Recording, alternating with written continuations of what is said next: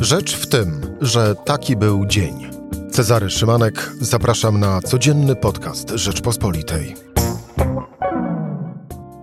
Środa, 6 kwietnia. Zaczęły się prace nad likwidacją Izby Dyscyplinarnej, czyli obietnicą złożoną przez premiera Morawieckiego w Brukseli jeszcze w ubiegłym roku. Ba, Izba miała od początku roku nie istnieć, a Komisja Europejska uruchomić środki z Funduszu Odbudowy dla Polski. Tak się jednak, jak dobrze wszyscy wiemy, nie stało.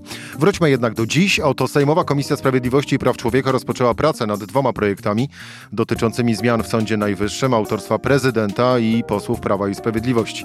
Tymczasem Zbigniew Ziobro i jego Solidarna Polska robią dalej swoje, czyli sprzeciwiają się Unii Europejskiej i likwidacji wspomnianej Izby. I są dziś bardziej na wylocie z rządu niż jeszcze kilka tygodni temu. Kiedy ci, którzy trzymają za to kciuki, się ucieszą? Być może odpowiedź zna Michał Kolanko. Rzecz w tym, że zapraszam Cezary Szymanek. Słuchaj na stronie podcasty.rp.pl. Włącz Rzecz w tym w serwisie streamingowym. Michał Kolanko, dziennikarz polityczny Rzeczpospolitej. Michał, dzień dobry. Dzień dobry. Zanim odpowiesz na to pytanie postawione przeze mnie na samym końcu, zanim właśnie zacznie, zaczęliśmy rozmowę, no to y, wpierw y, porozmawiajmy o tym, kto za, a kto przeciw w łonie koalicji rządzącej, jeżeli chodzi o zmiany w Sądzie Najwyższym, czyli likwidację Izby e, Dyscyplinarnej. E, tym projektem bazowym, najprawdopodobniej, na którym e, posłowie będą pracować, wszystko na to wskazuje, będzie projekt prezydencki. Czy posłowie PiSu, mm, którzy też mają swój projekt, będą chcieli go bardzo zmienić, czy po prostu wezmą to, co prezydent zaproponował? Będą chcieli go zmienić i połączyć z, z projektem, który sami złożyli. I tutaj jest jedno, jedno zastrzeżenie też, czyli zastrzeżenie, jedna rzecz, której warto pamiętać, że y, po pierwsze, to nawet dwie rzeczy. Jedna jest taka, że komisja y, będzie pracowała po świętach, czyli y, ta ustawa prezydencka, która będzie podstawą tych prac, jest podstawą tych prac, będzie przyjęta dopiero po świętach przez Sejm, albo i nie będzie, to, to jeszcze zobaczymy, ale w każdym razie głosowanie będzie na sali plenarnej, będzie po świętach. To jest jedna, jedna rzecz. Druga jest taka, że, że Solidarna Polska też miała własny projekt, taki dosyć szeroki, który obejmuje nie tylko Izbę Dyscyplinarną czy sądownictwo dyscyplinarne, ale on został odłożony na później. Czyli mam takie wrażenie, że trochę mm, to późno, to później może być bardzo późno. A został odłożony na później, e, bo? No myślę, że, myślę, że, myślę, że dlatego, że Prawo i Sprawiedliwość po prostu nie chce, czy chce iść, e, realizować ten pomysł zmian e, w sądownictwie w tej chwili tą ścieżką wytyczoną przez prezydenta, nie przez Solidarną Polskę. W ogóle myślę, że wokół, wokół tego całego pomysłu, tych pomysłów zmian w sądownictwie i tego, jak, y, jak generalnie y, to przebiegało, były te dyskusje. Prezes Kaczyński zapowiadał likwidację Izby Dyscyplinarnej jeszcze wie, wiele miesięcy temu, już w ubiegłym, w ubiegłym roku. Generalnie rzecz biorąc, możemy napisać osobną książkę. W każdym razie na razie wygląda na to, że prezes że Nowogrodzka chce przyjąć ten projekt prezydencki z własnymi poprawkami. Nie chce na razie pochylać się czy łączyć tych trzech projektów, bo to wtedy byłoby uznanie drogi Zbigniewa Ziobry. Ten trzeci projekt jest dużo, jest dużo szerszy. Aczkolwiek nie da się wykluczyć, że do tego finalnego głosowania jakieś poprawki czy pomysły Zbigniewa Ziobry trafią do tego projektu prezydencko-nowogrodzkiego, że tak się wyrażę, i będzie to wtedy y, jakoś wszystko połączone, no ale to musiałoby być wtedy za zgodą całej, w całej koalicji rządzącej. Na razie takiej zgody z tego co widzę nie ma. Kilka zdań przypomnienia, y, o co chodzi w prezydenckim projekcie y, zmian ustawy o Sądzie Najwyższym. Zakłada on oczywiście likwidację Izby Dyscyplinarnej, ale według tego projektu sędziowie, którzy w niej orzekają, mieliby możliwość przejścia do innej izby lub w stan spoczynku. W Sądzie Najwyższym miałaby zostać utworzona natomiast Izba Odpowiedzialności Zawodowej, która składałaby się z 11 sędziów wybieranych spośród wszystkich sędziów Sądu Najwyższego na pięcioletnią kadencję, a ostatecznego wyboru członków Izby Odpowiedzialności Zawodowej dokonywałby prezydent. Projekt przewiduje także wprowadzenie testu bezstronności i niezawisłości sędziego, który umożliwi zbadanie także okoliczności powołania sędziego i postępowania I ten, po powołaniu. Wejdę ci słowo, no i to właśnie budzi największe zastrzeżenia Solidarnej, e, Solidarnej Polski, tego usunięcia tego testu chcą politycy Solidarnej Polski, tak to przynajmniej na dzisiaj wygląda. Ale, ale ja bym powiedział jedno, że jeszcze jest jedna taka ogólna uwaga, że żeby jeszcze bardziej skomplikować sprawę, to ja mam takie wrażenie, że przyjęcie lub nie tego projektu nie jest, że odblokowanie polskiego KPO nie zależy wcale od tego, od przyjęcia lub nie mm, tego projektu. To, to jest właśnie cały haczyk, że z obrazu tych negocjacji wynika, że e, sprawy idą po prostu dużo dalej w tych negocjacjach i chodzi o troszeczkę coś innego. No, zapewne gdyby, gdyby tak było, to kto wie, czy rzeczywiście te obietnice składane jeszcze pod koniec ubiegłego roku, że Izba Dyscyplinarna nie istnia, miała nie istnieć od 1 stycznia, zostałyby e, zrealizowane. Ale pozostańmy na tym polu, polu walki wokół e, Izby Dyscyplinarnej, e, walki przede wszystkim pomiędzy Prawem i Sprawiedliwością, a Solidarną Polską i Zbigniewem Ziobrą. E, no to teraz już jest, Michał, czas na odpowiedź na to pytanie, które postawiłem e, na początku. E, kiedy Zbigniew Ziobro e, dokona poprzez oczywiście swoje decyzje i stanowisko samowyrzucenia z rządu? No to jest bardzo dobre, bardzo dobre pytanie, bo to tak naprawdę decyzja to jest, to jest decyzja Zbigniewa, Zbigniewa Ziobry. Ja pamiętam wiele, kilka ładnych miesięcy temu jeszcze przed tak naprawdę rozkręceniem się tego tematu Krajowego Planu Odbudowy. Zrobiłem wywiad z Arturem Balaszem, to jest doświadczony polityk, który doskonale zna, polityk prawicy, który doskonale zna yy, pewną mentalność i Zbigniewa Ziobry i innych graczy w samej dawnej no nie wiem, Zjednoczonej Prawicy czy w koalicji rządzącej po prostu. On wtedy mi powiedział, yy, że Zbigniew Ziobro decyzję o tym, że, żeby odejść w zasadzie już podjął, tylko nie ma, jest pytanie tylko jak to zrobić, jaki, jaki, jest, jaki jest moment. Mm, I pamiętamy, w tamtym roku było też było bardzo ważne głosowanie nad decyzją o zasobach własnych Unii Europejskiej i ludzie Zbigniewa Ziobry byli przeciwni, no ale skończyło się na deklaracjach. Wydaje się, że teraz te nastroje są. Napięcie w Zjednoczonej Prawicy, w dawnej Zjednoczonej Prawicy jest dużo większe niż wtedy. Zbigniew Ziobro nie chce, tak jak jego ludzie przekonują, jego on jego ludzie nie chcą brać odpowiedzialności za takie zmiany w sądownictwie w ich domenie, o które się oni nie zgadzają i to jest właśnie ten test bezstronności, niezawisłości sędziego. Argument jest taki, że mm, wtedy mm, byłby chaos w sądownictwie, więc wydawałoby się, że jeśli ta ustawa przejdzie w takim kształcie, który, który zaproponował prezydent z mniejszymi lub większymi poprawkami, to, no to być może test, y, mm, ten test doprowadzi do tego, że Zbigniew Ziobro powie, że już nie chce brać odpowiedzialności za wymiar sprawiedliwości i dojdzie do tego, o czym ty y, mówisz. No ale byłoby to oddanie ogromnej połaci władzy, że się tak wyrażę, którą, którą to Zbigniew Ziobro kultywował przez ostatnie lata. To nie jest taka decyzja, którą można podjąć, y, która no, miałaby ogromne konsekwencje też dla samych wyborów, bo wtedy no, de facto oznaczałoby to, że prawica inaczej niż w 2015 i 2019 roku poszłaby do wyborów y, podzielona. Decyzja o tym, w jakiej formule pójdzie y, PiS z, sojusznikami do wyborów, myślę, że to jest kwestia y, końca tego roku, przełomu następnego. Tak to się mniej więcej słyszy w tych sejmowych kuluarach. Chyba, że, chyba, że Zbigniew Ziobro podejmie ją wcześniej. No bo ja sobie nie wyobrażam, że wychodzi z rządu, a później PiS bierze go na listy. Michał, ale e, to a propos tego właśnie, co się słyszy w kuluarach, to e, przejdźmy teraz, przenieśmy się w kuluary Nowogrodzkiej, e, no bo nie chce mi się uwierzyć za bardzo, aby politycy na Nowogrodzkiej z prezesem Jarosławem Kaczyńskim na, na czele mm, właściwie siedzieli w swoich fotelach i zaciskali zęby po to, aby jak najdłużej wytrzymać ze Zbigniewem Ziobro y, w koalicji. Tu nawiązuje do tego, co powiedziałeś sam przed chwilą zresztą, że to, że Zbigniew Ziobro będzie tak długo w rządzie, jak sam zdecyduje. No to trochę właśnie jakby ubezwłasnowalniało Jarosława Kaczyńskiego. Sam zdecyduje, no bo też pamiętajmy, że oczywiście jest tak, że rząd Zbigniewa Ziobry jest rządem bez Solidarnej Polski, to jest 19 osób mniej w Sejmie, 19 szabel, a cały ostatni rok, aż do wybuchu wojny w zasadzie spędziliśmy na analizach tego, czy pisma większość, czy nie.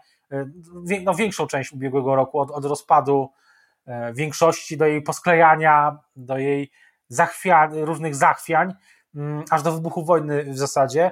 I to oznacza automatycznie rząd mniejszościowy. To znaczy, e, myślę, że to jest kwestia tożsamości, bo e, Zbigniew Ziobro chce mieć własną tożsamość i przez ostatnie lata o nią walczy, tożsamość inną niż PiS, niż ten PiS z Mateuszem Morawieckim i Jarosławem Kaczyńskim w takim tandemie, bo PiS z Batą Szydło i Jarosławem Kaczyńskim był e, dużo bliższy Zbigniewowi Ziobrze mm, niż, niż ten PiS obecny. I to jest cały czas jest taka kontra, bo jeśli Zbigniew Ziobro robi zwrot, czy zaostrza język w sprawie Unii Europejskiej albo energetyki, no to słyszymy później z PiSu mniej więcej to samo. No i na, na odwrót. Więc w jakimś sensie to jest taka sytuacja, że złapał, jest to przysłowie o tym, że ktoś Tatarzyn łeb trzyma, kozak złapał Tatarzynę. Chyba takie jest to przysłowie.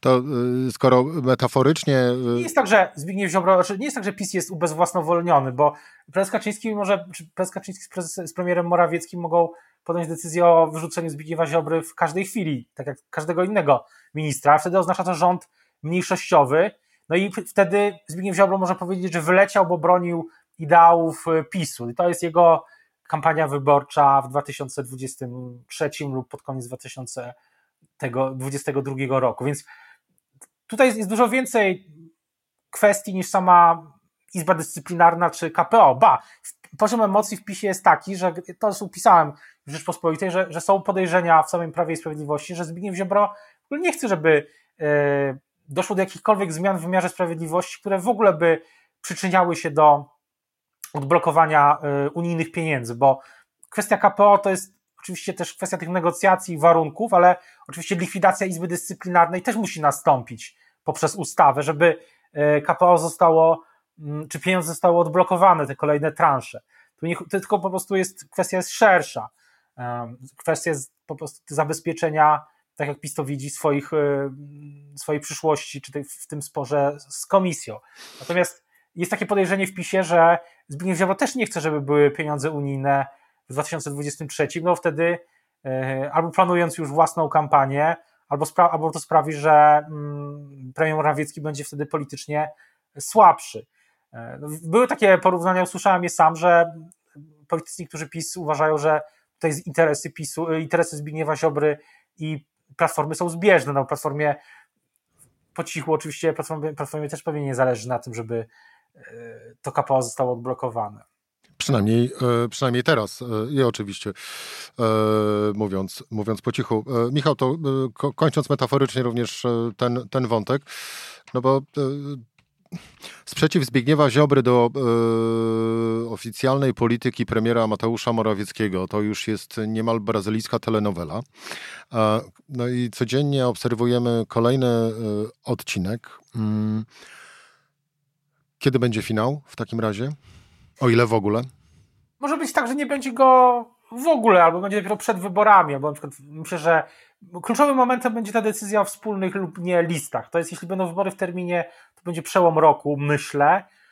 Jeśli teraz dojdzie do rozwodu, e, no to będzie rząd mniejszościowy przez jakiś czas, być może ze wsparciem części e, opozycji, myślę tu PSL-u. Marszałek Zgorzelski takie ostatnie konstrukcje różne sugerował e, na, na łamach e, jednego z dzienników. No właśnie, czy PSL jest w stanie zastąpić e, Solidarną Polskę w trakcie głosowań nad ustawami zmieniającymi Sąd Najwyższy i później również kolejnymi przedstawianymi przez rząd Mateusza Morawieckiego, gdyby miał być mniejszościowym? Myślę, że odpowiedź na to pierwsze pytanie brzmi tak, pod, pod pewnymi warunkami, czyli spełnieniem całości lub części, być może realizacją tych poprawek, które zgłasza PSL. One idą dużo dalej niż projekt prezydencki. One w praktyce w ogóle wyłączają wszystkich sędziów, e, mm, tych neosędziów, jak to się mówi, e, z orzekania i w Izbie Dyscyplinarnej i z tego co pamiętam w ogóle z, na pewno z całej Izby Dyscyplinarnej, bo tam jest siedmioletni, siedmioletni staż potrzebny, żeby w tej nowej Izbie Odpowiedzialności Zawodowej e, występować, więc działać, więc mm, te poprawki PSL idą daleko, no, może być taka sytuacja, że PiS zaryzykuje i będzie po prostu nie spełni do, do żądań ani Zbigniewa Ziobry, ani PSL-u. Będzie to głosowanie takie e, no być może wtedy będzie zależało to wszystko od jednego, dwóch e, głosów e, ludowców, którzy mm, mogą być przekonywani też nieoficjalnie, tak? Nie poprzez klub, o tak bym to ujął. Takie, te, takie też są możliwe różne scenariusze. Natomiast wydaje się, że politycy PSL-u, jeśli spełniłyby się, zostałyby spełnione te ich główne warunki, to byliby gotowi na pewno mm, tak głosować, ale czy byliby głosowi głosować dalej później, jeśli doszłoby do rozpadu koalicji i powstania rządu mniejszościowego, to też byłyby kolejne warunki na pewno. PSL nie chciałby, nie byłby, nie głosowałby za free, jak to się mówi. No, to też jeszcze oczywiście pytanie, którego polityka PSL-u o to, e, o to zapytać. E, Michał, ale jeszcze na koniec jeszcze jeden, e, jeden wątek, też a propos scenariuszy na przyszłość. Opozycja jaki już wniosek wyciągnęła z niedzielnych wyborów na Węgrzech? Wspólna lista, szeroki front, dalej aktualna, czy już nie? Myślę, że żadnych wiążących wniosków opozycja nie wyciągnęła. Każdy ma swoje, swoje stanowisko. Platforma chce wspólnej listy, czy dąży do niej, ale myślę, że jest jedna, jedna rzecz, która jest konkretna, która, której też, którą też już jakoś sygnalizował Donald Tusk, ja to też sprawdzałem bardziej nieoficjalnie, że rzeczywiście e, jest taka wstępna, jest taka wstępna bardzo rozmowa samej opozycji, była oficjalna rozmowa w ubiegłą sobotę w trakcie tej kon, konferencji o konstytucji, 25-lecie konstytucji, że że, że będzie powołany pewien zespół roboczy z ekspertami, który po prostu zbada, czy przedstawi później politykom, liderom e, wyniki badań, które będą wskazywać jakoś, w którym kierunku lepiej iść. Takie przynajmniej wrażenie robi, mm, takie przynajmniej wrażenie robi platforma, że z platformy można takie głosy usłyszeć, że na to jest jakaś tam e, zgoda. No ale oczywiście każdy rozumie to pewnie, pewnie inaczej, no bo można pytać w sondażach różne warianty, w różny sposób zadawać pytania, więc y, ja myślę, że przez najbliższe miesiące nic, y, znaczy tygodnie, ok? Może tygodnie, przynajmniej do tego 4 czerwca, do tej konferencji o przyszłości Polski z inicjatywy Szymona Hołowni, że nic jakiegoś bardzo przełomowego się nie wydarzy, ale ci, którzy śledzą bardzo kam, śledzili kampanię na przykład w Czechach, gdzie udało się opozycji przejąć władzę, czy na Węgrzech, y, no zwracają uwagę, że właśnie w Republice Czeskiej y, to porozumienie dwublokowe opozycji było wcześnie. Nie za wcześnie, ale też nie za późno. I ono miało szansę to być po prostu wiarygodną i programowo, i koncepcyjnie, politycznie. No i tak się właśnie y, wydaje, że opozycja, jeśli wybory będą w terminie, no nie ma takiego dogmatycznego terminu, że musi się do tego czasu porozumieć w jakiejś formule, no ale e, im później to zrobi, tym na pewno będzie gorzej. No jeśli wybory są w październiku przyszłego roku i tego, to porozumienie opozycji będzie w maju, no to ja nie wróżę mu wielkiego sukcesu. Jakiekolwiek by ono nie było, jeśli będzie w styczniu, lutym i wtedy ruszy de facto kampania wyborcza, zakładając, że wybory będą w terminie, no to na pewno ten sukces będzie większy, potencjalnie większy, e, no bo żaden projekt polityczny też no, wiadomo, że one mogą się wypalać szybciej lub później, ale też muszą okrzepnąć i wyborcy muszą o nich usłyszeć, zobaczyć ich y, wiarygodność też programową.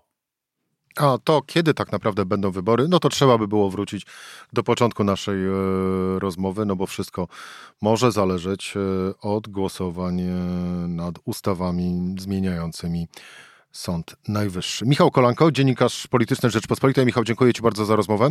Dziękuję bardzo. Była rzecz w tym e, w środę. Cezary Szymanek do usłyszenia jutro o tej samej porze.